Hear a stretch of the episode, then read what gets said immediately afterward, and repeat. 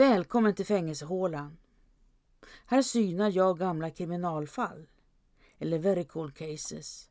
Och även om jag dramatiserar en aning försöker jag hålla mig så nära sanningen som möjligt. Brotten som jag tar upp är både kända som okända och spänner över det mesta, från fylleri till mord.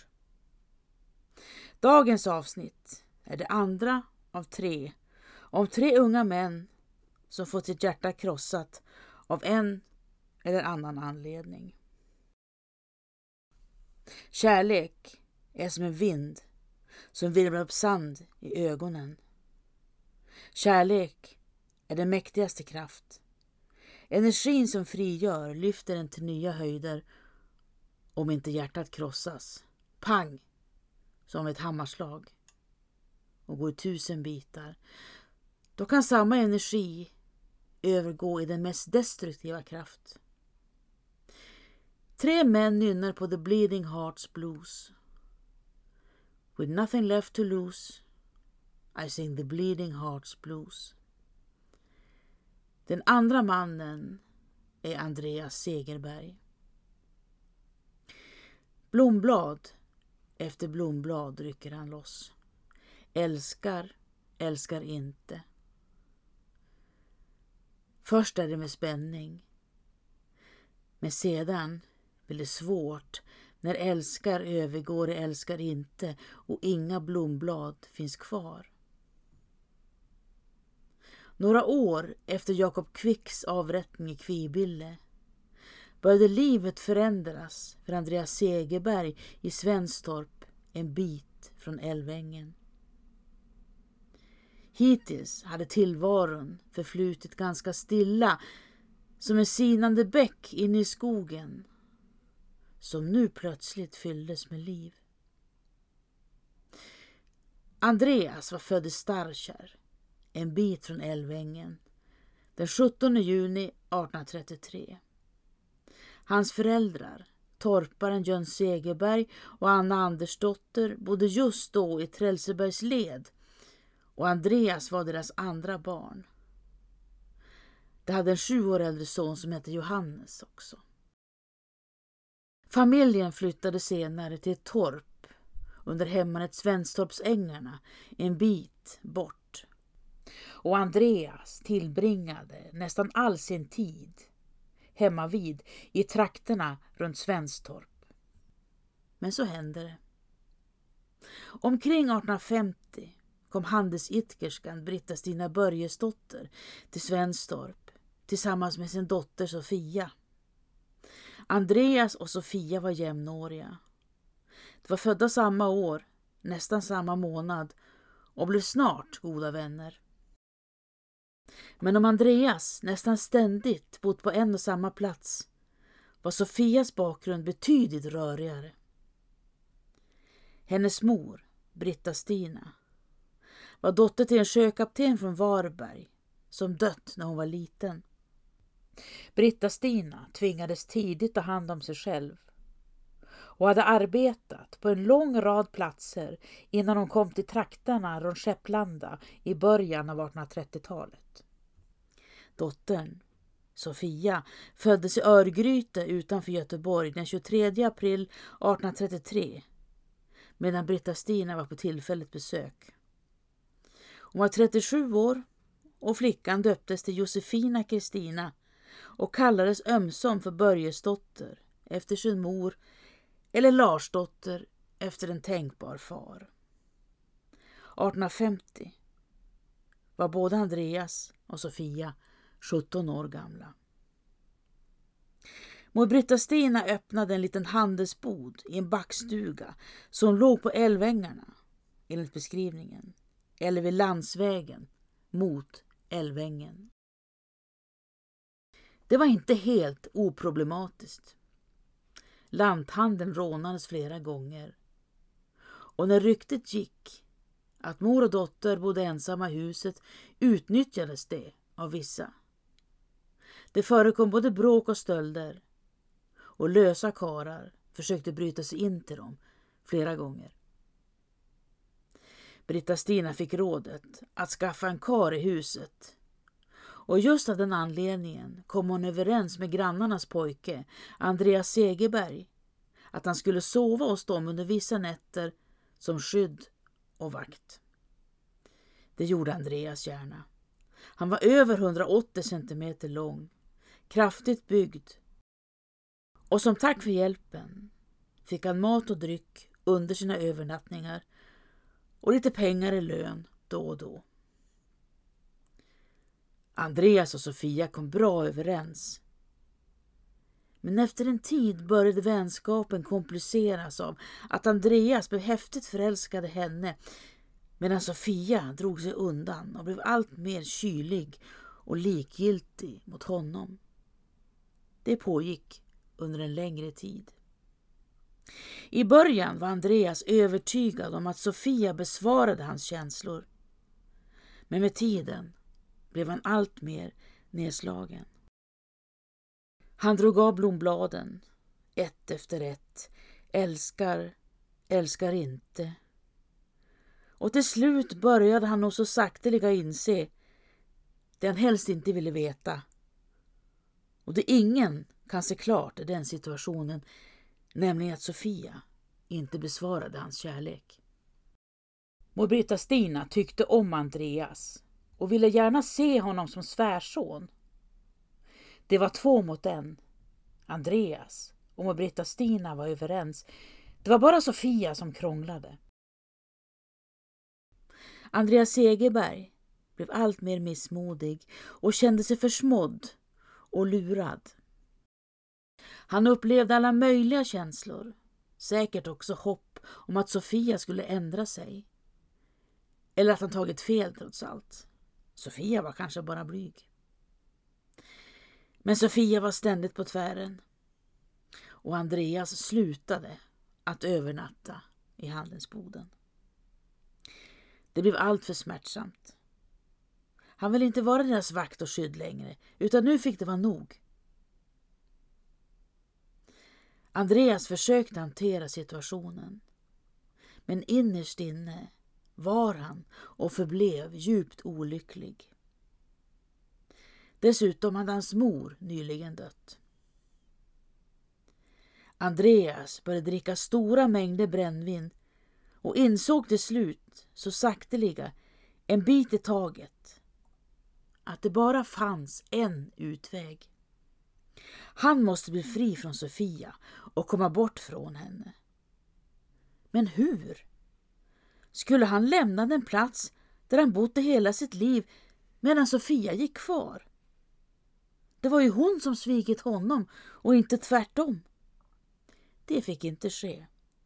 Sofia måste bort. Hon och inte han. Andreas skulle inte få en lugn stund så länge Sofia gick omkring i hans trakter. Men hur skulle det gå till? Han kunde ju omöjligt flytta på henne. Det fanns bara ett sätt. Till en början var det en främmande tanke som spratt till någon gång då och då. Men ju oftare han umgicks med den, desto mer hemmastad och rimlig kändes den. Andreas Segerbergs olycka blev allt djupare. Det smärtade att se Sofia och det smärtade att inte se henne. Till råga på allt cirkulerade ett rykte. Det viskades att Sofia kysst spelmannen August Olsson från Eskekärr på en aktion. Och bara tanken gjorde Andreas så upprörd att han beslutade sig för att aktivera sina planer nu. Inte om ett tag, utan nu, genast. Vid nio tiden på kvällen, torsdagen den 14 april 1853 stoppade Andreas Segerberg ner sin kniv i fickan och gick över till handelsboden. Det var en vanlig täljkniv som dessutom var trasig. Udden var avbruten. När han kom dit, efter flera omvägar, upptäckte han att allt var släckt och låst. Han bullrade lite och tittade in genom fönstret och såg hur ljuset tändes. Mor och dotter stod upp och såg vettskrämda ut. Men när de kände igen honom blev genast lugnare. Andreas bankade på dörren och blev insläppt. Andreas, det var länge sedan, sa Britta Stina och öppnade upp för honom. Vill han sova här i natt, liksom förr?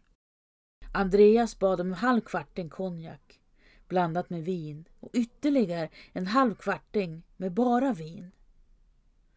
Mor och dotter anade inte oråd. Men Andreas behövde, enligt egen uppgift, en rejäl styrketår för att fatta mod inför natten. Han drack och det gick till sängs. Mor Britta Stina släckte ljusen. Andreas Segerberg låg på en soffa vid dörren. Sofia låg på en annan soffa och mor Britta Stina sov i en säng mitt emot. Andreas, som varit fast besluten att genomföra sin plan under natten, började tveka där han låg i mörkret. Det var som att en vit och en svart fågel växelvis sjöng i hans öra. Den vita fågeln kvittrade. Det är väl likväl synd. Andreas, som legat och pillat på kniven en lång stund, beslutade sig för att avstå och la istället undan kniven under sig i soffan, la sig till rätta för att sova. Men då tog den svarta fågeln ton. Kyssen, sjöng den. Kyssen. Andreas Segerberg satte sig upp i mörkret och frågade Sofia om det var sant att hon kysst August Olsson. Sofia nekade bestämt och svarade att det hade hon inte alls. Andreas bad då att hon skulle kyssa honom. Men Sofia vägrade. Aldrig på tiden. Kom över och lägg dig här hos mig så ska allt bli bra, vädjade Andreas. Sofia, som inte hade en aning om att hennes liv hängde på en skör tråd, svarade Men nej, hör du inte vad jag säger? Andreas förebrådde henne igen för kyssen och sa Du ska aldrig mer se honom. Nu kommer jag över till dig, sa han och tog kniven och reste sig. Se här, sa han, känn kniven. I nästa stund började Andreas hugga Sofia han högg besinningslöst och urskillningslöst mot halsen och ansiktet. Mor Britta-Stina vaknade och tände ljuset. Hon försökte springa ut och hämta hjälp, men Andreas Segerberg stoppade henne. Han överföll henne och skar mot hals och huvud. Ljuset föll i golvet under tumultet och slocknade. Andreas gick från den ena till den andra och högg dem gång på gång till bladet lossnade från skaftet och föll i golvet. Andreas kom ihåg att det låg en större trancheringskniv i en låda längre in i huset. Han hämtade den och högg sedan Britta-Stina djupt i bröstet. Så hon föll död ner. Sedan gjorde han om samma sak med Sofia. När både mor och dotter låg döda roffade Andreas Segerberg åt sig en del silver men tog också pengar, närmare bestämt 77 riksdaler och andra handelsvaror, så att det skulle se ut som ett rånmord utförd av en lösdrivare innan han rusade ut ur huset. På vägen hem kom han på att ljuset som han tänt kanske brann fortfarande så han gick tillbaka och släckte det. Andreas fortsatte hemåt och dit var det inte långt ett par bösshåll bara, eller cirka 300 meter. Han grävde ner pengarna bakom faderns lada och gick sedan in för att tvätta av sig, så gott det gick. Andreas gick till sängs, men sov dåligt under natten. Det var så kallt, tyckte han, och han steg upp tidigt igen. På morgonen hittades Britta-Stina och Sofia inne i handelsboden av drängen Jonas Jonsson som hade ärenden till dem. Under morgonen började folket samlas utanför. Länsman satte igång med sin brottsplatsundersökning och efter några timmar gick Andreas Segerberg dit i sällskap med några andra. Misstankarna hade då redan riktats åt hans håll. Det är klart att grannarna, ortsborna, kände till den olyckliga kärleken mellan Andreas och Sofia. Och de hade sett Andreas lidande. Nu fanns blodfläckar på hans rock och han greps och fängslades. Andreas nekade till en början, men prästen talade förmanande till honom och fick honom att erkänna. Andreas Segerberg var ljushårig och hade stora ljusblå talande ögon. Han fick frågan Vidhåller Andreas ett erkännande? Och hans stora ögon tårades igen. Ja, visst göra det, svarade han. Annars får jag inte nåd hos Gud. Andreas placerades i Vänersborgs fängelse och uppträdde nedslaget och stilla under hela fängelsetiden. Efter några rannsakningsdagar dömdes han till döden för dubbelmord och stöld. Andreas ansökte om nåd från dödsstraffet men skrev i ansökan att han önskade sitta i cell, inte placeras på fästning. Då tog han hellre döden. Oskar den förstas svar blev också ett avslag. Den 11 februari året efter skrev Andreas far, Jön Segerberg, ett brev till sin son i fängelset. Ack käre frälsare, tänk i nåd på mig och min förlorade son Andreas. Hjälp oss att råkas i ditt himmelska rike efter detta för bedrövliga och jämmerfulla liv. Här får vi inte glädjas fler gånger i varandras sällskap som så många andra föräldrar och barn. Och det gör mig så ont när jag tänker på att min käre son lämnat mitt hus i tårar för att fara till ett häkte, lida brist på bröd och sitta inlåst bakom tjocka dörrar utan att få tala med vare sig far eller bror. Efter att det hände har jag inte haft en glad stund utan varit sorgsen. Nätterna har många gånger varit sömnlösa och tankarna kretsar kring dig, min käre son. Vi skilda åt i kroppen, men lika fullt är min ande närvarande hos dig, mitt barn. Jag kan inte komma upp till dig för den långa vägens skull. Min svaga hälsa tål inte kölden. Jag orkar inte gå så långt och kan inte köra i kylan. Men om Gud vill tänker jag försöka komma dit upp en gång till. Så vi får talas åt i livet en sista gång. Från din fader. Det är ungefär fem mil mellan Svenstorp och Vänersborg.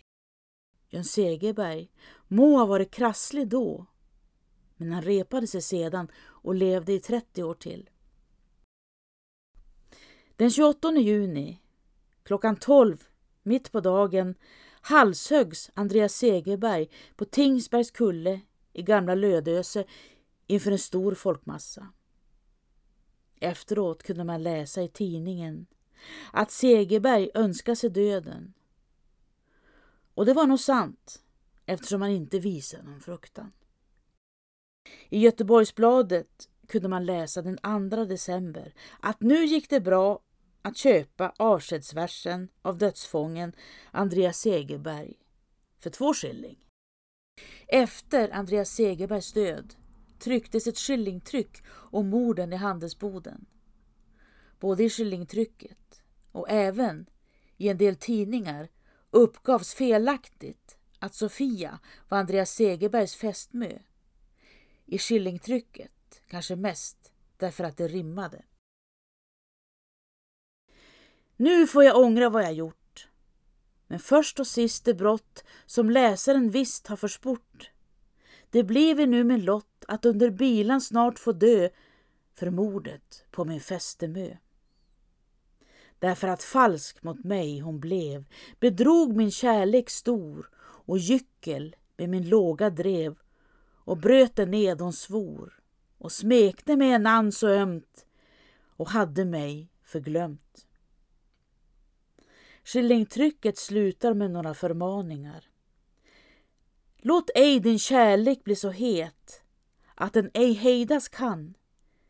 Ty därmed följer farlighet för kvinna som för man och ruset ger en vådlig tröst, gehör åt Satans röst. With nothing left to lose I sing the bleeding hearts blues. Andreas Segerberg blev djupt förälskad i Sofia som var tvär avvisande tillbaka. Hon försökte säkert markera att han ville komma närmare henne än hon önskade ha honom. Eller mer rakt på sak, hon ville inte ha honom alls på det sättet. Sofia arbetade motvind. Hon hade inte bara Andreas att hålla stången, utan även sin mor som gärna ville se Andreas Segerberg som måg i huset. Och mor och dotter stod varandra väldigt nära. Vänskap över könsgränserna var ett ganska okänt fenomen som många inte förstod sig på och det som sett Andreas och Sofia umgås drog nog slutsatsen att det var festfolk eller att något omoraliskt var på gång. Kärleken är blind, men den är också lika dum som hoppet kan vara segt.